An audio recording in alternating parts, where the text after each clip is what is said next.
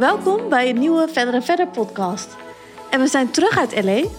Ja, we zijn eh, eigenlijk net teruggekomen. Ja, we zitten nu op kantoor weer. Ik heb, eh, as we speak, ben ik even een espressootje aan het drinken. Want ik heb echt een mega jetlag. Ben je moe nu? Nou, ik zag jou onder, onder de meeting die we net hadden, eh, de HR-meeting, de hele tijd gapen. Hè? Maar dat is HR-meeting. Dan en moet jij zat, jij, zat, jij zat echt de hele tijd gewoon met je ogen dicht bijna. Ja, maar dat is gewoon HR-meeting überhaupt. Dat vind ik gewoon zo saai. Maakt niet uit of ik jetlag heb. Maar heb je een jetlag? Nou, ik heb vannacht de hele nacht ben ik wakker geweest.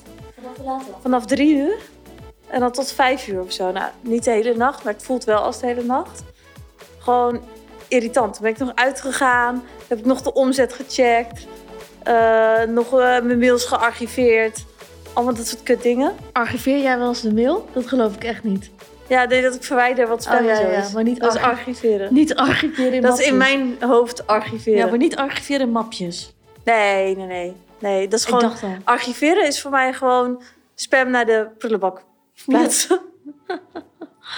Ja. Maar goed, wel de jetlag is dus aanwezig. Ja, ik ben wel echt moe nu hoor.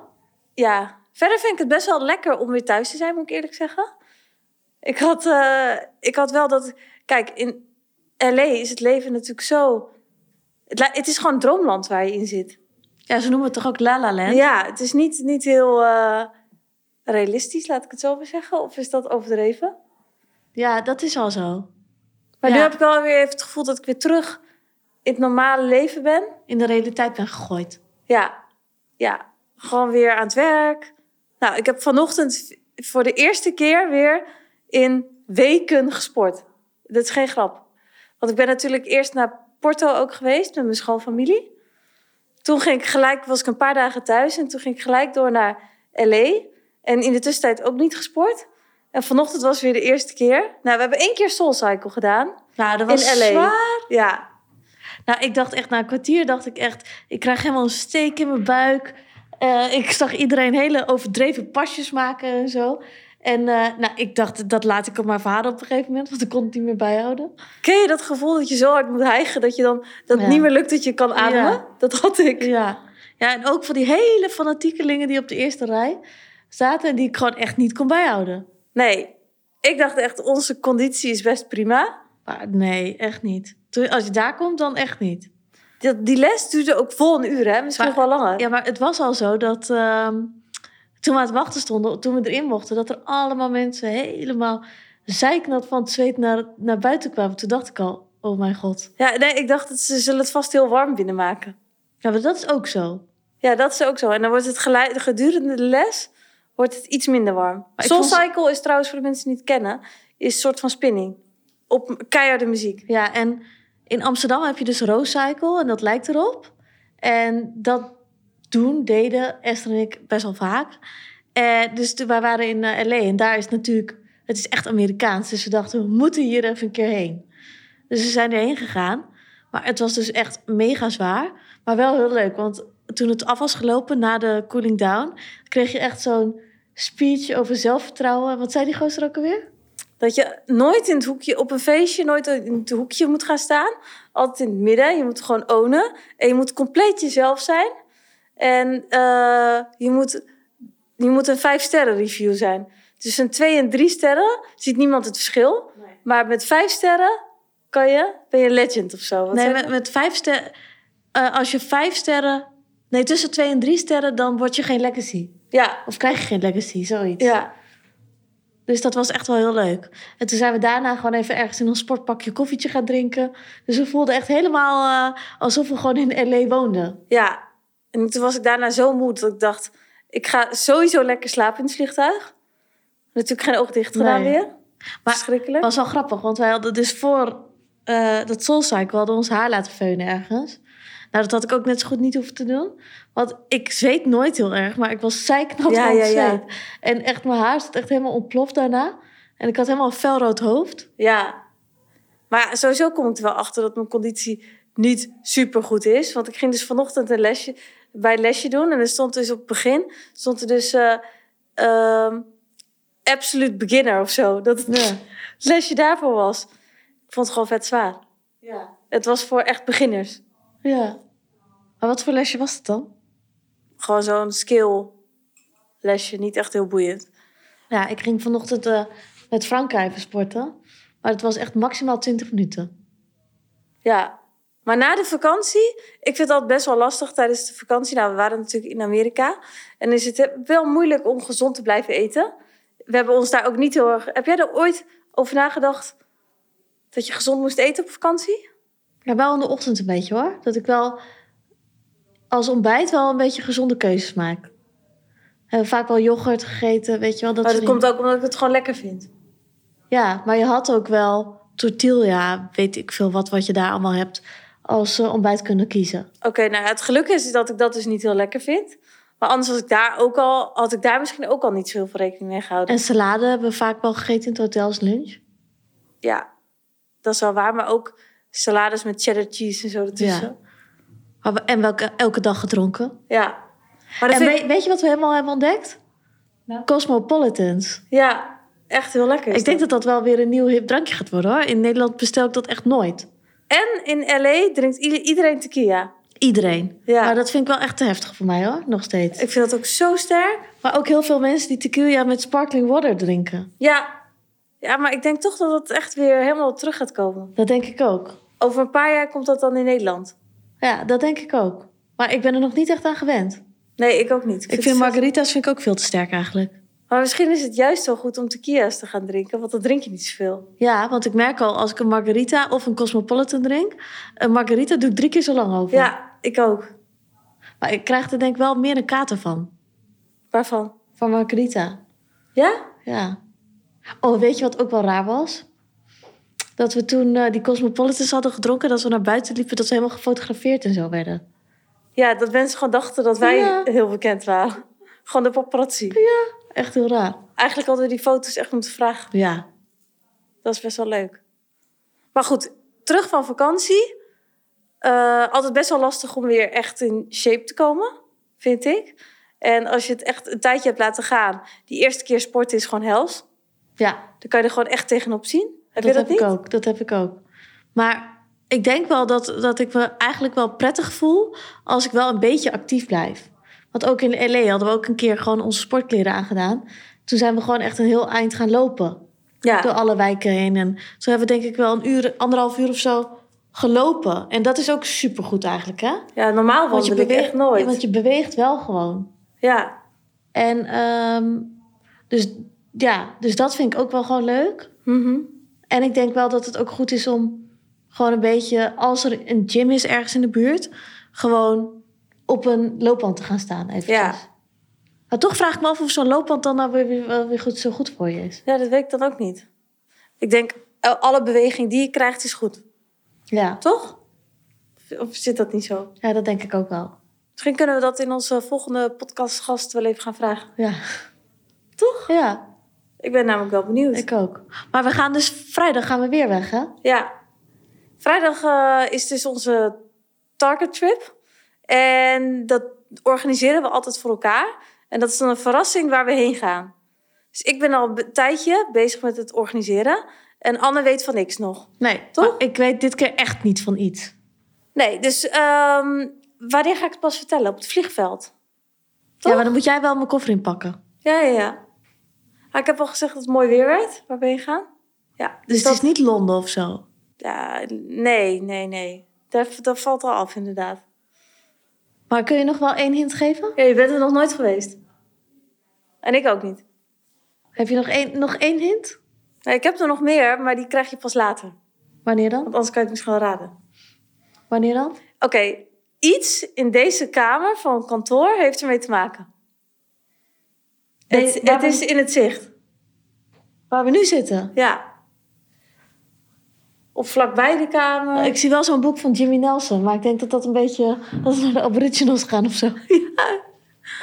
Niet alleen deze kamer, maar of daar, of iets dichtbij. Ik zit nu echt heel erg om me heen te kijken. Nou ja, daar moet ik er nog even goed over nadenken.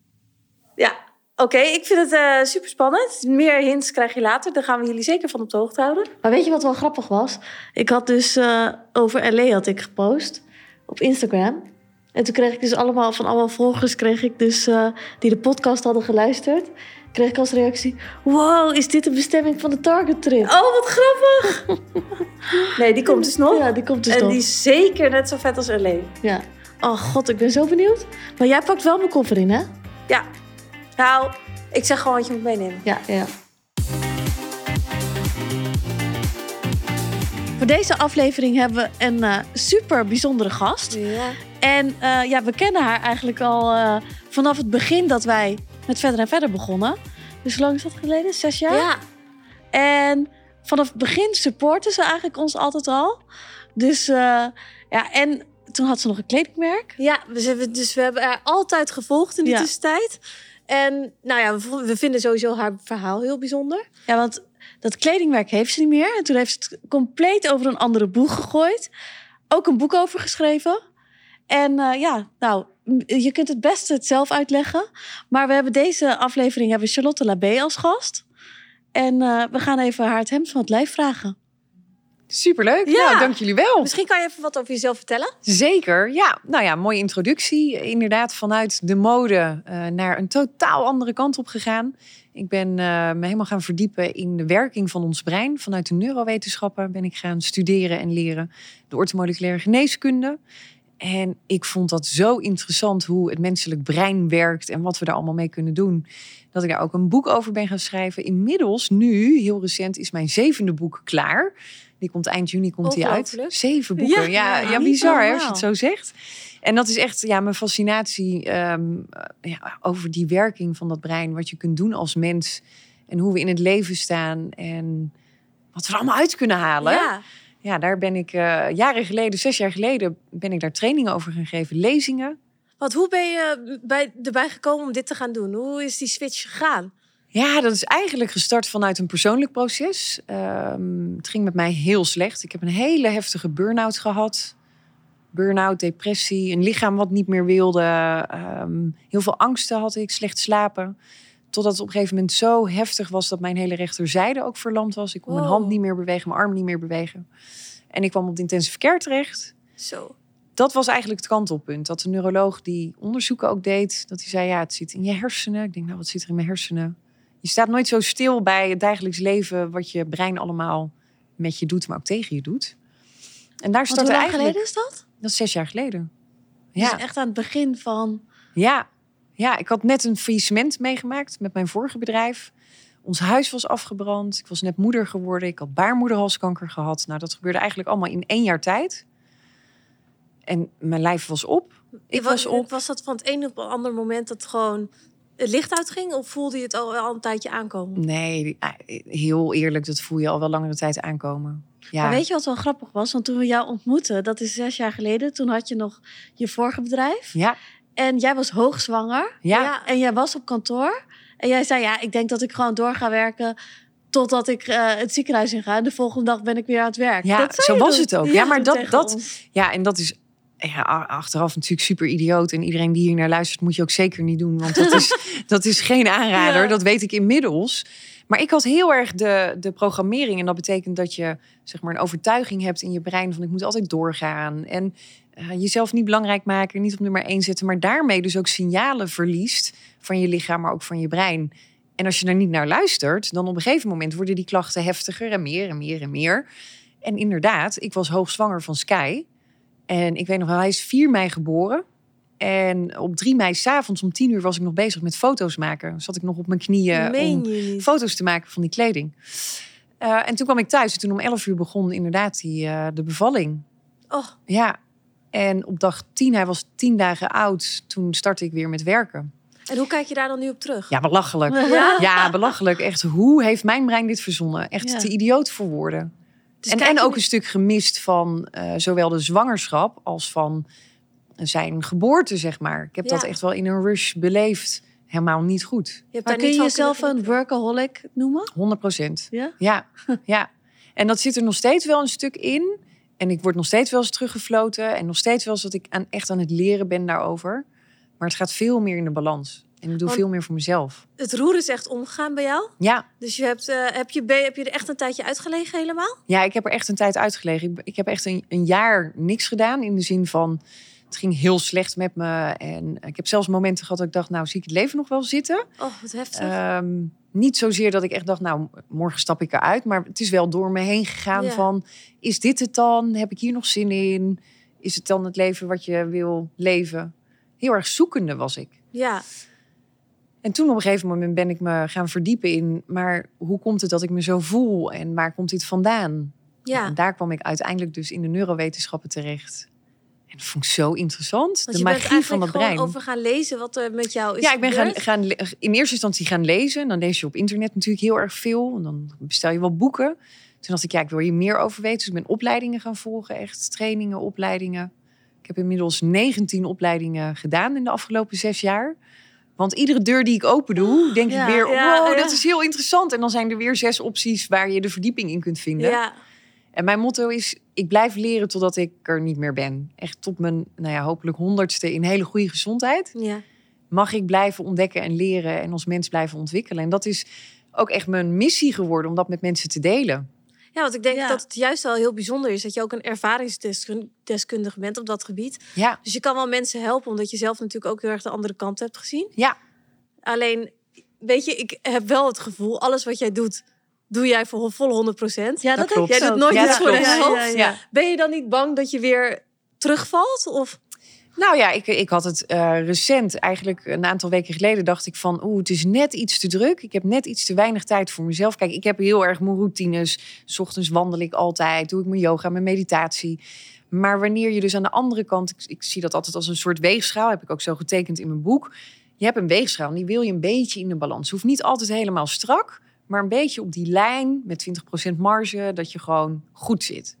En ik merkte dat dus de rechterkant veel meer van mij vroeg dan dat ik de linkerkant kon bijvullen. Dus die bal aan de linkerkant werd kleiner en die bal aan de rechterkant werd groter. Ja. Waardoor dat dus ja, niet meer helemaal in evenwicht is.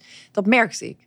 Maar ik was in de afronding van mijn boek bezig. Ik had opleidingen staan, trainingen staan. Want wij zijn ook opleidingsinstituut. Dus wij leiden mensen ook op tot Brain Balance Coach.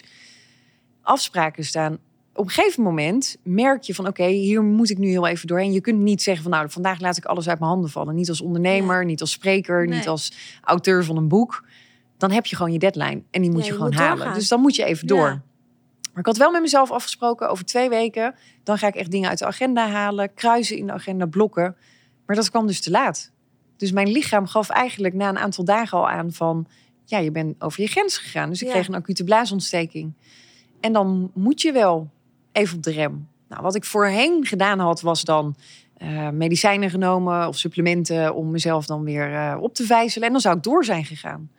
Maar wat ik nu heb gedaan, is een hele week alles uit de agenda. Ook trainingen, ook mensen die ik zou opleiden. dat vind ik wel echt knap. Ja, Dat je jezelf nu echt op, op nummer 1 zet. ja. Ik en denk dat, dat voelde dat onwijs goed. Ja, en dat maar was de interesse goed. er eigenlijk altijd al? Of is het echt gekomen door wat je hebt meegemaakt? Nee, echt Weet door je? wat ik heb meegemaakt. Nee, nee, ik ben wel opgevoed. Ik denk gewoon, net zoals dat jullie ook zijn opgevoed met... nou, eh, wat groente eten is gezond. maar maar daar, daar hield het dan Ja, ook wel ja. op. Ik heb best een bewuste moeder. Maar niet, eh, eh, niet dat wij met de paplepel mediteren hebben meegekregen. Nee, verre van dat. Ja. Dus het is echt gekomen omdat ik gewoon als mens zelf vastliep. Ja, Ik heb momenten gehad in mijn leven. Kijk, ik heb heel lang modellenwerk gedaan. Eh, maar ik at super ongezond. Want ik werd er niet dikker van. Dus ja, Ja. zolang je geen dikke kont krijgt, ja, waarom zou je dan eh, geen zakken chips eten Ja. en Milky Ways? Dan kijk je echt niet naar de lange termijn effecten hè? Helemaal niet. Nee. Nee. ik was wel vaak heel erg moe. Eh, maar ik ben ook iemand, ik, ik heb ADHD, dus ik ging er dan wel weer overheen met de andere kant energie. Ja, Ja, dan vul je een beetje de gaten met het een en het ander. Maar jeetje, als ik toen had geweten wat ik dan nu allemaal wist, had ik toch wel dingen echt heel anders kunnen doen. Want wat is de belangrijkste omslag die je hebt gemaakt in die tijd? Bewust worden van je eigen proces. Bewust worden van, hey, hoe werkt nou mijn lichaam? Wat is holisme? Als je Ja. gaat kijken dat, dat, weet je, je brein is niet alleen je brein. Je brein is er niet alleen voor je leerproces. Is niet je mindset, hoe je over dingen denkt. Het stuurt alles aan. Al je organen zijn verbonden met je brein. Je hart. Als je verdriet voelt, dan gaat je brein ook niet optimaal. Andersom, stuurt elkaar aan. Daar heb ik nooit bij stilgestaan.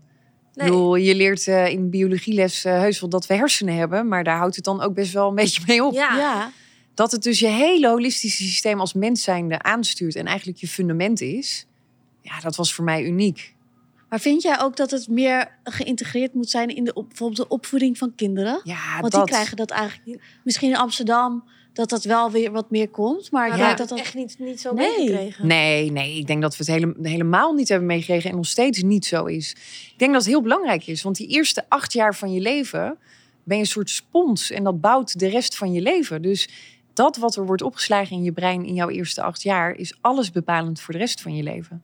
Daar kunnen we zoveel in veranderen, maatschappelijk. Dus Ja. als we daar als maatschappij anders naar gaan kijken en anders mee omgaan, ja, dan kunnen we een heel groot verschil maken. En dat is ook, ik heb een stichting opgericht anderhalf jaar geleden met een neurowetenschapper, Marcia Goddard. En onze missie is om op scholen de kennis over het brein te kunnen gaan brengen.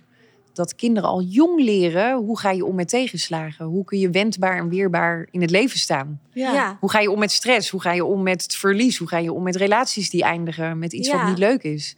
Want je geeft Ja. ook lezingen natuurlijk op eh, scholen, Ja, heb ik gezien. ja klopt. Ik denk dat dat wel heel goed is om ja, kinderen Ja, dus ja. echt bewust te maken van hoe belangrijk het eigenlijk is. Ja, en hoe jonger je daarmee begint, hoe makkelijker het is. Kijk, ik heb dit bij Sky echt vanaf het begin af aan gedaan. En zelfs toen hij nog niet eens tegen me terugpraatte, vertelde ik al: ja, maar je hersenen zijn heel belangrijk, moet je goed voor zorgen.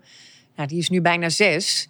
En die vertelt het nu tegen andere kinderen. Nee, maar als je dat eet, is slecht voor je hersenen. Kun je dadelijk niet meer klimmen. Ja. Want hij Dus- eet ook heel gezond, toch? Hij eet super gezond. Ja, dat is ehm, ja, een van de dingen die ik super belangrijk vind, is dat hij gewoon genoeg vitamines en mineralen binnenkrijgt, omdat je brein die voedingsstoffen nodig heeft. Ja, Je wordt ziek als mens als je niet gezond eet. Je wordt ziek als mens als je stress hebt. Je wordt ziek als mens als je emoties opkropt. ja. En Maar gelukkig. is het niet zo dat je bang bent als hij bijvoorbeeld gaat spelen ergens of een kinderfeestje, dat hij zich helemaal volpropt met alles wat eigenlijk ongezond is? En Ja. dan... Ja, tuurlijk gaat dat ook wel eens door me heen. Dat ik denk, ja, krijg ik dan niet dadelijk een ongeleid projectiel? Ja. Dat ze denken, nou, dat kind van die brain balance expert, die is niet helemaal in balans, weet je wel? Ja. Ehm, voor nu, hoe ik het nu zie, één keer in de week krijgt hij dan iets ongezonds. Is een Oh, ongezonde dag. Dus dat tot zijn vierde jaar hebben we dat helemaal niet gedaan. Maar dan merk je wel dat een kind niet meer alleen in jouw omgeving en omhulling is, maar dat hij naar de, de grote wereld gaat. Ja. hè? Ja. Dus je komt in aanraking met M&M's, je komt in aanraking met dat stuk taart. En dan kun je denken, ja, die ene keer is niet zo heel erg eh, gevaarlijk. Maar het gaat erom dat je je brein laat wennen aan bepaalde smaken, wat een hunkering geeft. Je brein gaat er meteen op aan, hè, want dat brein is gemaakt in de evolutie op zoet. Zoet en calorieën zorgen namelijk voor een grotere overlevingskans. ja. Alleen de manier waarop we nu in dit leven omgaan met zoet en calorieën, dat staat ver van wat gezond is voor die hersenen. Nou ja, en dat zie je natuurlijk ook wel. Hè? De cijfers burn-outs, depressies, Alzheimer, dementie, Parkinson.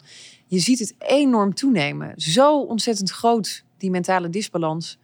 Wat mede ook door voeding komt. Want je darm en je brein, dat is eigenlijk één, die werken samen. Ja, en daar staan we eigenlijk helemaal niet zo bij stil. staan we nog te weinig bij Ja. stil. En dat is zonde. Maar- en dat is wel het mooie. Dat zie ik bij Sky ook. Als hij dan eens een keer... Bijvoorbeeld laatst at hij voor het eerst M&M's. En nou, dat is natuurlijk super aantrekkelijk. Ja. Zo'n gele zak, al die kleurtjes. Mama, Ja. ik wil M&M'en. Zo noemt hij. Oh, Dus nou, oké. Nou, dus ik een bakje M&M's. Hij neemt er één en hij kijkt me aan.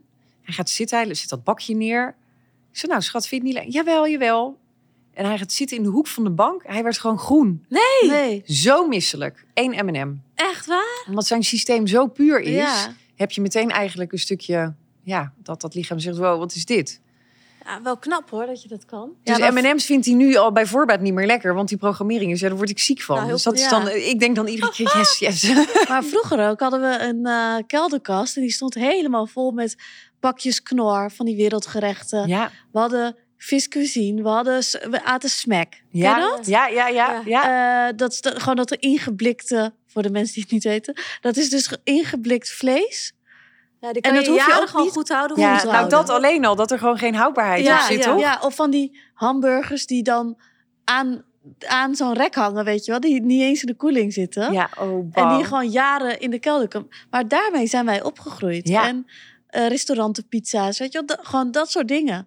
Maar toen was er nog helemaal geen besef van, hé, hey, dat is niet goed voor je. Nee, Dat is echt iets wat de laatste jaren eh, komt. En daar ben jij natuurlijk een mega ambassadrice van. ja, eh, Ja. Dat je Maar- gewoon goed moet eten. Kan je eigenlijk alles uit je voeding halen? Want jij verkoopt ook supplementen natuurlijk. klopt. Ja. Maar is, Ja, daar Wat zijn is jouw natuurlijk kijk daarop? Daar zijn de meningen over verdeeld. Ik moet heel eerlijk zeggen, ik was altijd super sceptisch over het gebruik van supplementen. Mijn man gebruikte ze al ver voordat ik überhaupt ging nadenken wat gezondheid voor je Ja. betekent. En ik zei altijd, wat een onzin. Weet je, scheldklopperij is niet nodig. Maar als je echt goed gaat kijken en je kijkt naar waar komt onze groente vandaan, waar komt ons fruit vandaan, dan zie je dat we te maken hebben met bodemverarming. En dat betekent dat we dus heel snel willen ehm, laten groeien, want we hebben ook een voedselschaarste. Dat is ook tevens ook meteen een probleem.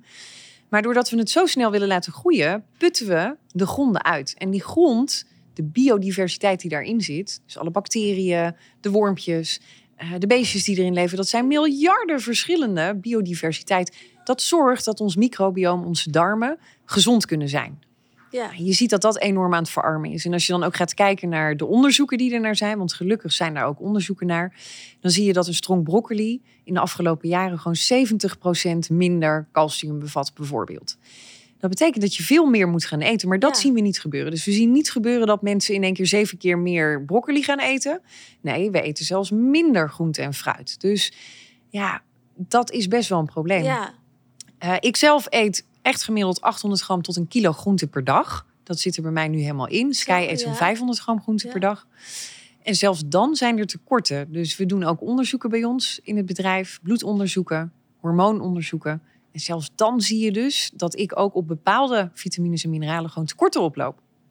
Dus ja, eigenlijk is het antwoord heel simpel. Ik geloof in de huidige omstandigheden waarin we leven, waarin er veel stress is, veel mensen slecht slapen. Ja. 63% van Nederland geeft aan niet optimaal te slapen. Nou, slaap heb je ook nodig Ja. ja. om het lichaam te herstellen. Stress daarentegen zorgt ervoor dat er heel veel vitamines en mineralen geroofd worden. Hè? Dus je hebt al sneller een tekort. Bijvoorbeeld magnesium is echt een essentieel mineraal. Dat hebben we iedere dag nodig. Ja, eet jij dan niet voldoende gezonde, goede groentes, dan zijn tekorten heel snel eh, ja, voor iedereen toegankelijk. Ja. En als je bijvoorbeeld eh, naar ons kijkt. We hebben een druk leven. eh, veel onderweg. Ehm, ja, dus maar wat zou nou de eerste makkelijke tip zijn... die je bijvoorbeeld iemand kan meegeven... waaraan je kunt starten met wat, wat beter aan jezelf denken... Ja. Ja, meer de filosofie. Want ik denk dat het voor heel, veel mensen heel moeilijk is om die te weet niet waar je moet. En beginnen. je weet Ja. niet waar je moet beginnen. Dat klopt. En dat het een soort proces is. Maar waar kun je het beste beginnen? Nou, het beste beginnen zou ik zeggen, ga gewoon eens even vijf minuten zitten en bedenken, wat ben ik nou eigenlijk allemaal aan het doen? Want we racen door dat leven heen. We maken onszelf geen prioriteit. We zetten onszelf vaak pas op nummer 10. Anderen zijn belangrijker. Het werk is belangrijker. Kinderen zijn belangrijker. Ja, dan vergeet je je gezondheid. Maar je hebt maar één gezondheid. Je hebt maar één jij. Ja. En we zien mensen die met enorm grote gezondheidsproblemen bij ons komen, mentaal, maar ook fysiek. Die zeggen, ja, had ik dan toch maar drie jaar geleden er iets aan gedaan. Ja. En dat is ook wel een beetje een breinding. We gaan pas oplossen wanneer er een probleem is. Maar wat wij graag willen, ik met mijn hele team, wij werken met acht therapeuten bij mij intern, is dat mensen preventief gaan kijken van, hé, hey, hoe kan ik het voorkomen dat ik in die burn-out terecht kom? Hoe kan ik voorkomen dat ik die depressie krijg? Ja, depressie is een bepaald percentage aangeboren, dus dat is genetisch. Maar de omstandigheden zorgen ervoor dat het ook echt tot ontwikkeling komt. Het grootste percentage, meer dan 90% is door lifestyle. Dus ja, we kunnen heel veel Ja. problemen voorkomen. Ja. En dat is een beetje onze missie. Dus waar ik dan zou starten is met... oké, maar wat ben ik nu eigenlijk aan het doen? Waarom? En dat hoor ik heel vaak. Ja, maar jij hebt daar tijd voor. Jij gaat gewoon wandelen. Ja, nou, Dat als dacht jij... ik net ook, hè? Ja. Toen je dat zei. Ja, dacht jij dat net ook? Ja, maar hoe is het dan mogelijk dat je dus geen half uur in 24 uur voor jezelf hebt? Ja. Eigenlijk is dat mentale armoede. Ja. Dat vind ik dan echt. Ja. En ik was zo ook, want ik Ja. dacht, ja, hoe harder ik ren, hoe beter ik bezig ben. En het lijkt wel een soort van thema in deze wereld van, oh, als ik druk ben, ben ik succesvol. Echt, Ja. hè? Nee, maar als je, ik zeg, als je druk bent, ben je een sukkel. Ja. ja. Dan doe je iets verkeerds. Ja. Want dat betekent dat je eigen processen niet belangrijk zijn. En dan zet je je gezondheid niet op nummer één. Want hoeveel uur werk jij in de week? Nou, dat wisselt. eh, soms 20 uur, soms 60 uur. Ja. Dus maar dat wel wisselt altijd enorm. tijd voor Ik een heb rondje wandelen, ja, meditatie. dat altijd, iedere dag. Wat Maar hoe ziet jouw merk dag wel- eruit? Gemiddeld? Of... Nou, eh, ik heb Sky natuurlijk, mijn zoontje. Ja? Die is eh, bijna zes. En die wordt iedere dag lekker om kwart over zes standaard gewoon wakker. Dus Ja. onze dag begint al heel vroeg. En ik moet zeggen, dat vind ik fijn. Ik was nooit een ochtendmens. Maar ik vind het wel fijn. Want wanneer je die ochtend goed indeelt, het eerste uur... Daar kun je zoveel veranderingen in kwijt. In de zin van, hoe start je je dag? Start je je dag gehaast, meteen met je mobiele telefoon? Ga je meteen door social media? Hoe doen jullie dat? Ja, Ook dat gelijk, meteen. eh, ja, maar ja, wat gebeurt er in je brein? Dat brein gaat meteen aan. ja, Dus je en- wordt wakker vanuit een, een ontspanningsmodus eigenlijk. En dan heb je verschillende hersengolven. Dus je zit in de delta, dan slaap je. Dan ga je naar theta, dus ietsjes bewuster, je wordt wakker. Maar dan pakken we die telefoon en dan ga je meteen naar beta. En dat betekent heel erg bezig zijn extern. Er moet dit gebeuren, er moet dat gebeuren. Dat brein, wow, die gaat meteen aan. We maken cortisol aan, dus onze hormonen die gaan hè, actief. Mhm. Maar we worden alert. Dus wat gebeurt er? Je wordt alert. Dat betekent dat het brein in een overlevingsmodus komt. Die denkt letterlijk, oh, er is hier levensgevaar. Ja, Zo start je je dag. Dus in die eerste vijf minuten is dit je basis voor de rest van de dag. Dan ben je de rest van de dag minder flexibel. Ga je minder snel even zitten en denken van... nou, wat ben ik nou eigenlijk allemaal aan het doen? Nee, dan ben je alleen maar aan het doorrazen... omdat dat brein aangezet heeft op die stand. ja. Maar ik merk ook wel dat ik echt verslaafd ben aan mijn telefoon. Want Ja, dat is een uitdaging van deze tijd. Want die verandering, Ja. als ik even zeg, even een eerste uur niet bijvoorbeeld, zou ik al echt een hele moeilijke verandering vinden. Want ik Ja. had zelfs in het vliegtuig dat ik al een beetje zenuwachtig werd ondertussen, omdat ik dacht dat ik al heel veel had gemist. En dan pak je je telefoon en dan denk je, nou, valt eigenlijk best wel mee. Ja, maar hoe, eh, hoe ernstig is dit? Ja, hè? ja. En ik herken dit, want ik moet ook continu bewust ervan zijn. Van oké, en- en dan pak ik hem en denk ik, nee, wat ga ik nu eigenlijk doen? Ik leg hem weer weg. Dus dan zit je een beetje zinloos te scrollen, moet- weet je ja, je moet heel bewust ermee Ja. bezig zijn. Maar dit, Ja. is, dit is echt een uitdaging voor onze breinen. Van ons, maar ook de generaties na ons. Ja, ik denk dat social media daar ook wel een, een, sterke invloed natuurlijk op heeft. Het is vreselijk. Het is vreselijk. En ik doe superveel met social media. Jullie ook. Daar daar drijven onze bedrijven ook op. Maar het heeft een enorme mentale impact. En ehm, er wordt nu al gesproken over ehm, digitale dementie. Dus dat mensen op 30, 40-jarige leeftijd al dementie ontwikkelen door de digitale wereld. Het brein krijgt gewoon schade. Ja. De bewustwording daarin, dat is al je eerste stap. Dus hoe start je je, je, je dag? Als jij dan onrust ervaart, is het eigenlijk een signaal dat je brein dus echt die aandacht nodig heeft. Dus kijk jij dan de ochtend, in de ochtend niet op je Nee, telefoon? of... nee, nee. Bij mij gaat hij voor half negen gaat hij niet aan. Oh, wat knap. Met zo nu en Ja. dan een uitzondering. Maar Ja. in principe is dat, eh, is dat gewoon de regel. Dan ben ik er ook voor mezelf, ben ik er voor mijn kind.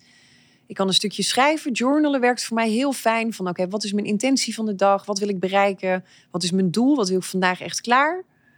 Mediteren, dat doe ik vaak samen met Sky. Die ben ik daar heel erg ook in aan het trainen. Ja, En hoe lang mediteer je dan? Nou, een minuut of tien. Is dat al iets wat, waar mensen gewoon zelf mee kunnen beginnen? Ja, Of vijf dat- minuten mediteren verandert al mega veel in je hersenen ten gunste. Ik heb dus nog nooit gemediteerd. Ik heb het één keer geprobeerd.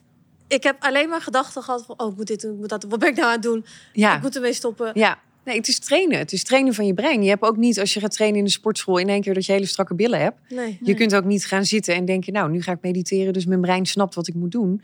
Kijk, dat brein is heel erg geleerd, ingesteld op de wereld. Er zijn veel prikkels, ik kan veel doen, ik sta altijd aan, ik kan overal informatie vinden. En dan in één keer moet hij gaan zitten op een kussen en niks gaan doen. Ja, Ja, dat voelt super ongemakkelijk voor dat brein. Maar als je dat gaat trainen, hele mooie onderzoeken, bijvoorbeeld Harvard heeft laatst gepubliceerd, dat na drie maanden trainen van je brein, zeg maar op 50-jarige leeftijd, dus dit is een waanzinnig mooi onderzoek, drie maanden, iedere dag 30 minuten, bracht dat brein van 50-jarige leeftijd terug naar een verjonging naar 25 jaar. Dat meen je niet.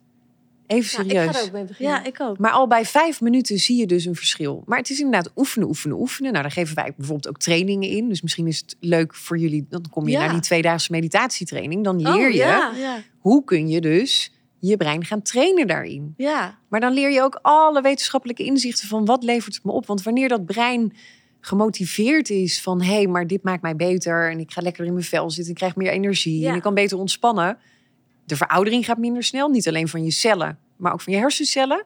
Hé, hey, maar dan wordt het interessant. Ja. Dat wil ik wel Veel gaan doen. succesvolle mensen hoor je ook wel dat die Ja. mediteren. Iedereen, Ja. iedereen. ja. En dan denk je, ja, wat is vijf minuten nou, hè?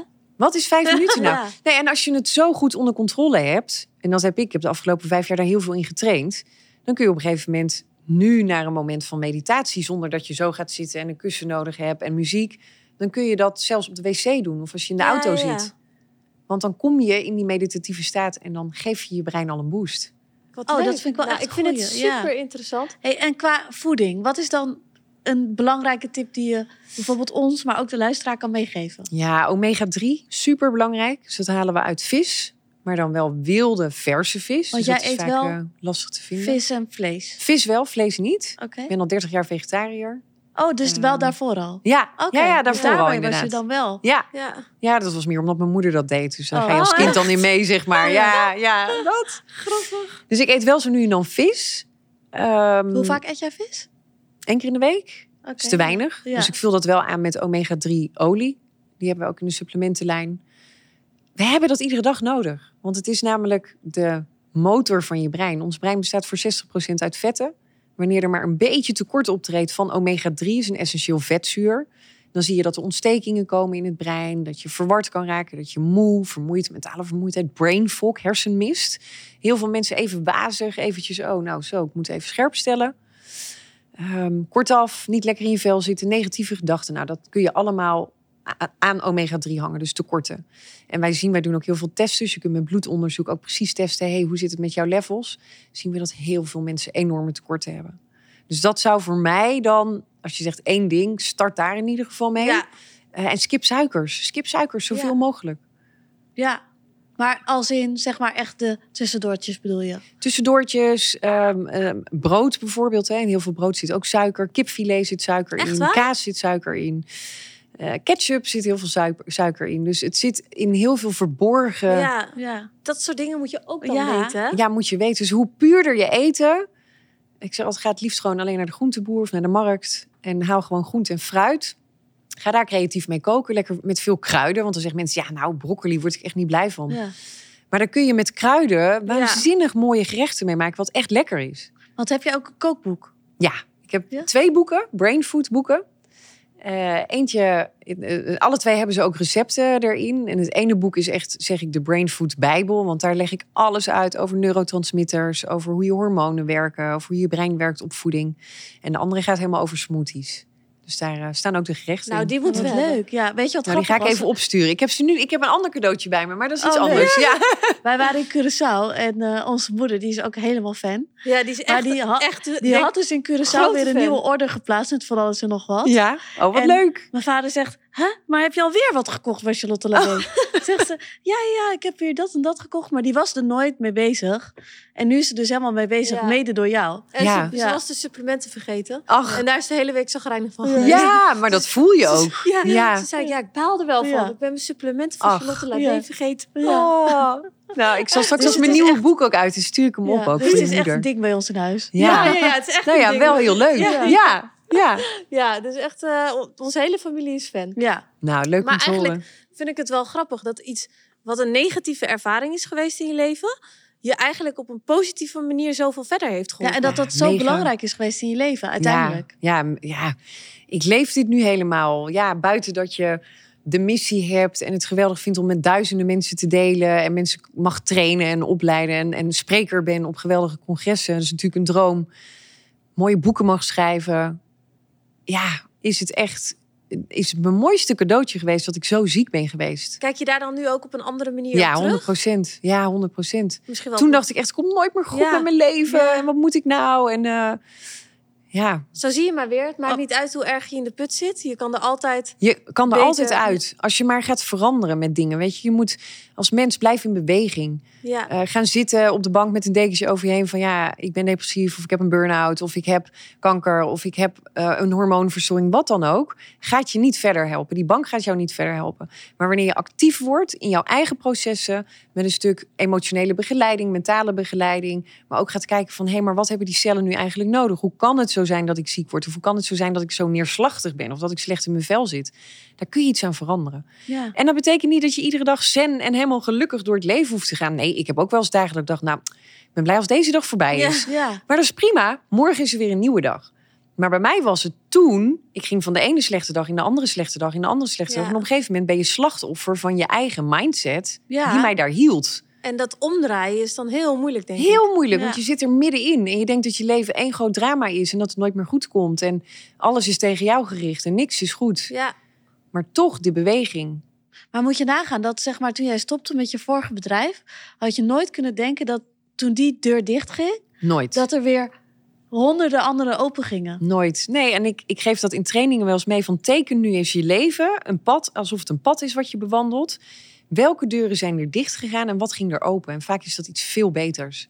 Het leven heeft dit ook voor je bedacht. Daar geloof ik echt in. Ik vind dit Ik wel geloof echt- er ook wel in hoor. Ik geloof er ook heel Ja. erg in. En ik denk dat heel veel mensen hier ook echt inspiratie uit kunnen halen. Super. Ja, dus zeker Charlotte Labé gaan volgen. Ja, Leuk. Ja. En eh, ja, want jij hebt boeken, trainingen, een Instagram waar je heel veel mee doet. Ja. supplementen. Supplementen. Ja. Wat is je droom? Ehm, mijn droom is echt het gezondheidscentrum 2.0 van Nederland gaan worden. Op een holistische manier kijken naar waarom ziektebeelden ontstaan. Mentale disbalans kunnen ja, voorkomen. Ja. Dat is echt ons doel. En die stichting ook groot maken. Dus starten al op jonge leeftijd. Nou, Nou. ik denk dat Nederland daar helemaal klaar voor is. denk ik ook. Het Wij wordt zijn tijd. Ja. Het wordt tijd. nou, bedankt voor je komst. Jullie super bedankt. Ja. Het was onwijs leuk. Heel leuk om te horen. Dankjewel. Dankjewel. Dankjewel.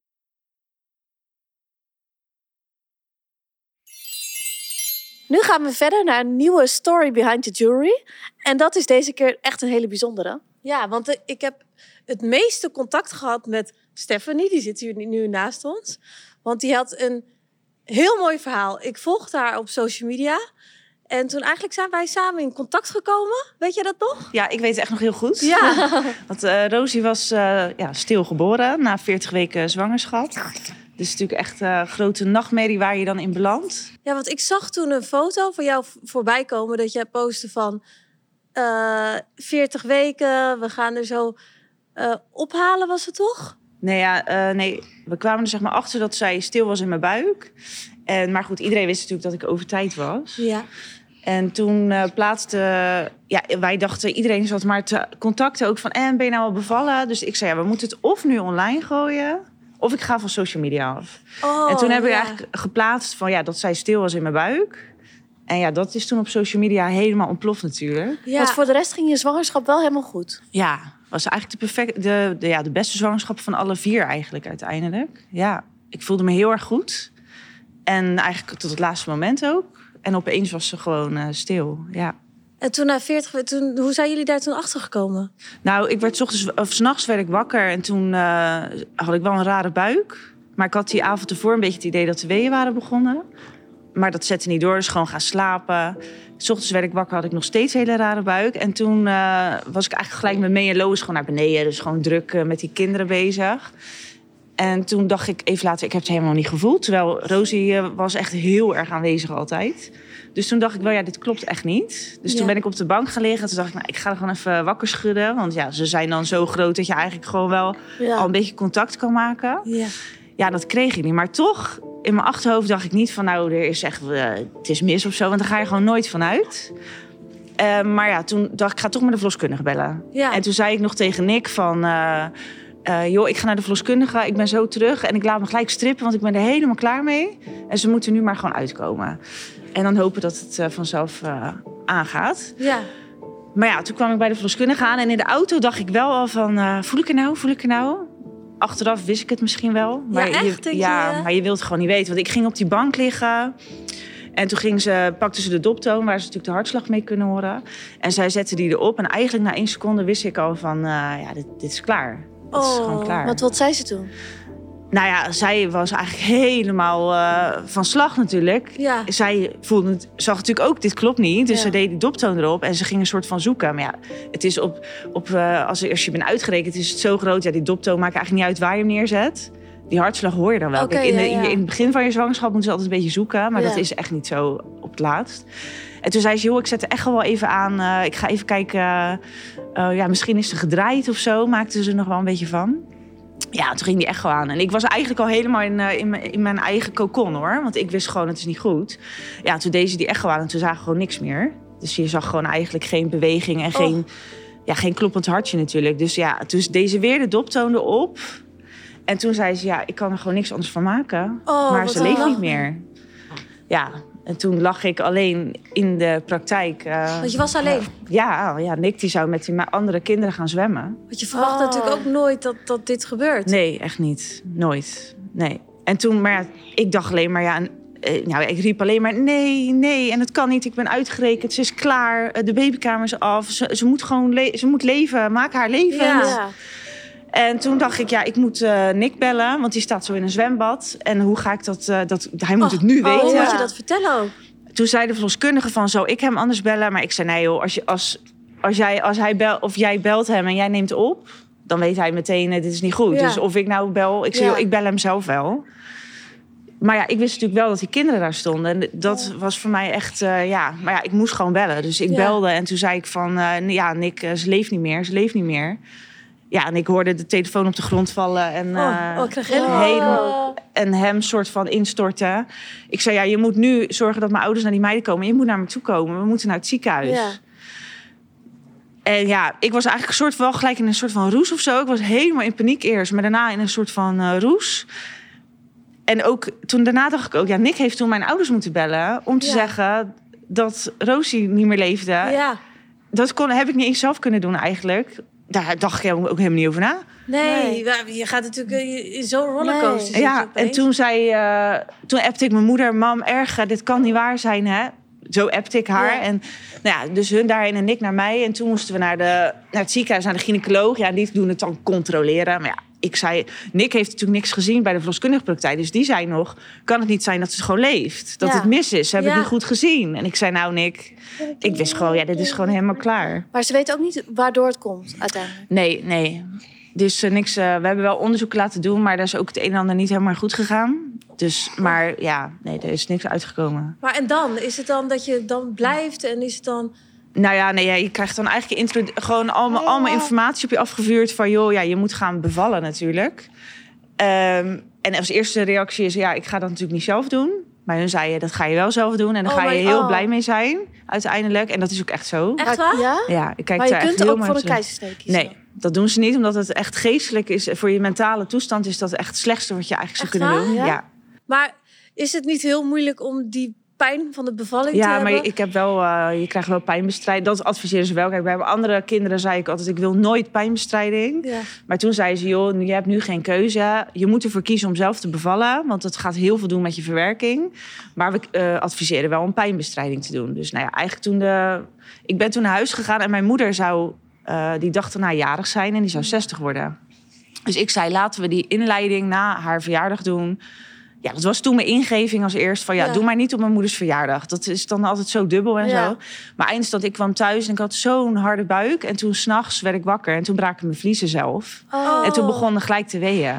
Dus ja, toen ben ik naar het ziekenhuis gegaan. En toen zei ik, ik wil, toen zei ik ook, ik wil gelijk pijnbestrijding. Maar ik moet zeggen, ja, die bevalling, daar kijk ik eigenlijk het mooie, echt een van de mooiste dingen op terug Ja? van die week. Ja, ja het is echt, eh, Maar dat was wordt echt heel mooi. gefotografeerd, of niet? Nee, dat hebben wij laten doen. ja, want Ja. ik hoorde wel dat dat, dat, dat ze is dat ook wel adviseren hoor. Ja. Ja. Want ook ik heb Nick. eh, kon ik natuurlijk eigenlijk was gewoon met mezelf bezig. En op die foto's kon ik heel goed ook zijn emotie terugzien. En dat was wel echt eh, ja, voor mij ook wel heel heftig. Ja. Dat ik denk, ja, voor hem is het natuurlijk echt gewoon een, een nachtmerrie. Dat je Ja. vrouw ligt van, van zijn kind ook, ligt eigenlijk te bevallen terwijl het kind niet meer leeft. Ja, Ja. dat is En echt. mij lijkt het ook zo heftig dat iedereen weet natuurlijk dat je Ja. zwanger bent. Ja. Dus iedereen Vraag, vraagt ernaar van en wat is het, weet je wel, hoe heet Daarom het? hebben wij toen wel gelijk, eh, toen ze ook nog niet was geboren, eigenlijk gelijk online gezet.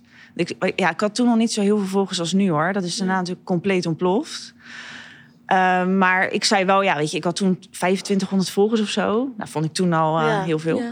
En dus ik zei, ja, weet je, of ik ga nu gewoon eraf en dan eh, ja, ben ik gewoon van de aardbodem verdwenen.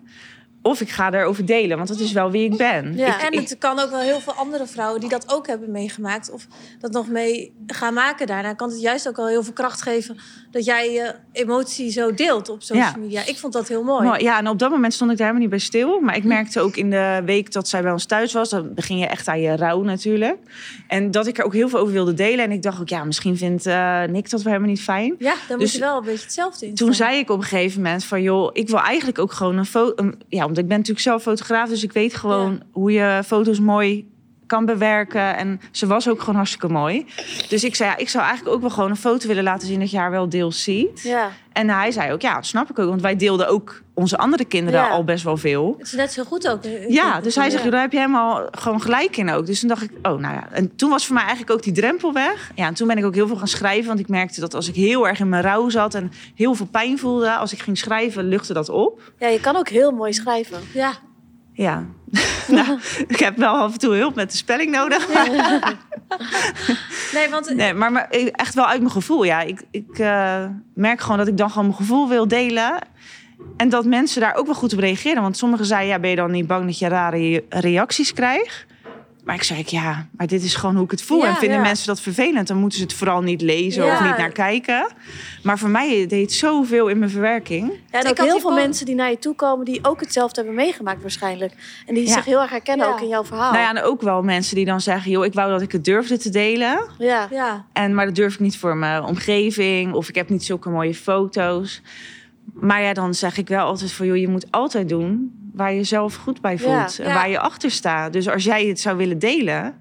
Ja, het is jouw kind. Ja. Ik kan me gewoon niet voorstellen dat je dat eh, Ja. niet zou doen. Maar ik heb daar ook gewoon nooit eh, me onzeker over gevoeld. En ik dacht als...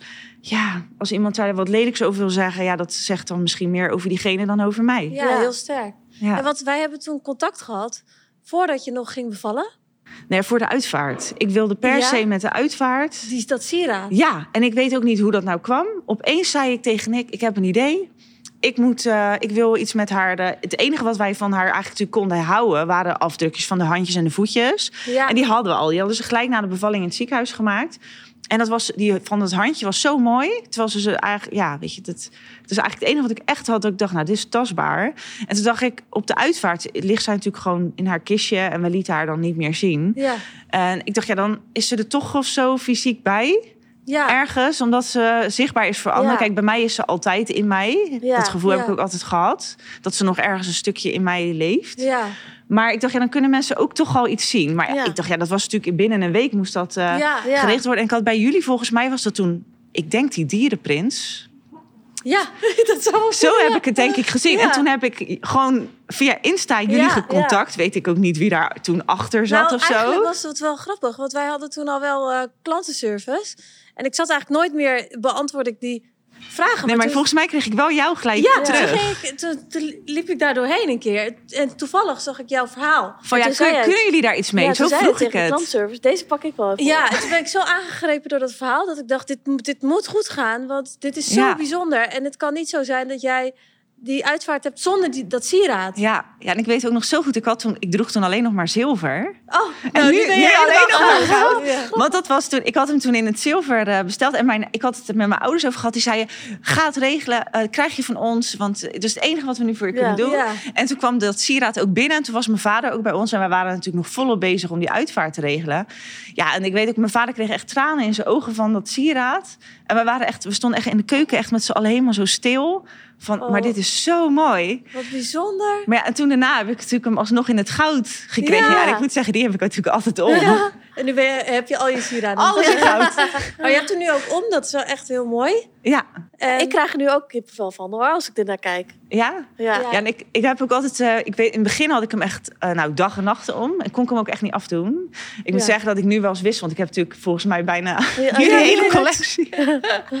dus ik wissel nog wel eens, maar eh, ja, dan doe ik hem om en dan denk ik altijd als mensen naar kijken van wat zullen ze nu denken? Van is dit eh, gewoon van, omdat ze weten haast allemaal Ja. wel natuurlijk dat Ja. ik meerdere kinderen heb. Van ja, is dit dan van een van de kinderen? Of zullen mensen die het dan niet weten denken, oh, dat is vast een verhaal. Ja. Ja. Dat denk ik Maar zelf vraagt altijd. er wel eens naar? Eh, ja, sommige vragen was van, joh, is dat handje is dat van, eh, van Kate omdat ze te vroeg was geboren, Ja, zeg ja. maar. Dan zeg ik, nee, dat is van eh, Rosie, die is stilgeboren voor Kate nog. Ja. En eh, ja, dat is haar afdruk van haar handje, zeg maar. Heel ja, echt mooi. heel Ja. mooi. Nou, echt heel erg bedankt voor, eh, voor je verhaal. Ik, Ja. Echt een bizar mooi verhaal. Ja, en het leuke is dat we eigenlijk nog altijd contact hebben gehouden daarna. Ja, Dus het is Ja. echt dat we jaren geleden... ik zei al toen eh, vlak daarna, zei ik al, ja, ik moet die meiden echt een keer opzoeken. Ja. Maar ja, dan is het toch wel Amsterdam, eh Hellevoetsluis is toch wel een stukje even, Ja. dat je zegt, ja, ik rijd niet zomaar even langs. Dus toen jullie nu ook vroegen of ik wilde komen, ja, toen zei ik, oh, dan gaan ze eindelijk Ja, zo leuk, dat, leuk. dat je ook hier Ja, bent. soms heb je ook gewoon een klik. Ja. En dan denk je van, nou, het lijkt wel of ik die meiden eigenlijk al eh, We hebben heel veel contact gehad, Ja. dus dat is heel leuk. Dus ik hoop dat we dat de komende jaren nog steeds hebben. Ja, zeker. Je weet moet ik, natuurlijk weet ik eh, zeker. alle collecties moet jij wel gewoon hebben eigenlijk. Ja, ik zit ook altijd, als er dan weer iets nieuws is, zit ik ook te scrollen. En dan denk ik, oh, dat wil ik. Ja, oh wat grappig.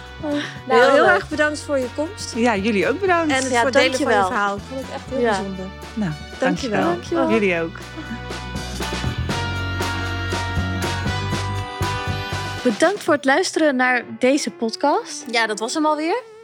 Wat vond je ervan? Ja, ik vond het eh, echt heel leuk om te horen. Dat, eh, nou ja, leuk om te horen. Heel confronterend eigenlijk om te horen. Dat Charlotte Labé zo gezond is. En dat ze dus amper suiker eet. Als ik naga wat ik bijvoorbeeld alleen al gisteren aan suiker heb gegeten... is dat gewoon echt heel veel. Ik eet elke dag wel suiker, denk ik. Ik ook, ik kan niet zonder. Ja. Dus Ik heb dat vooral in de namiddag ook eigenlijk. Dat ik echt zin in heb in een stukje chocola of zo. ja, en ik denk dat dat eten- gewoon een gewenning is... waar je gewoon echt vanaf moet. Ja. Als zij het kan, moeten wij dat ook kunnen. Want zij was niet altijd zo, hè? Nee. Dus dat vind ik wel grappig om te horen. Dus dat het gewoon... Zij is ook niet zo geboren, maar zo geworden. En dus dat kunnen wij ook gewoon. Dat weet ik zeker. Ja. Maar toch vind ik het wel lastig als me, weer van die meiden bij ons op kantoor komen. Weer iemand jarig is. Om dan dat stukje taart over te slaan. Ja, maar een paar hapjes is dan al gewoon goed. Ja, gewoon de helft. Ja. Ja. Niemand let er toch op of je het helemaal Nee. op, opeet of voor de helft. Dat is waar. Oké, misschien gaan we de komende tijd eh, rekening mee houden. We houden jullie op de hoogte. Bedankt voor het luisteren Ja. in ieder geval van deze, deze podcast. En tot volgende week.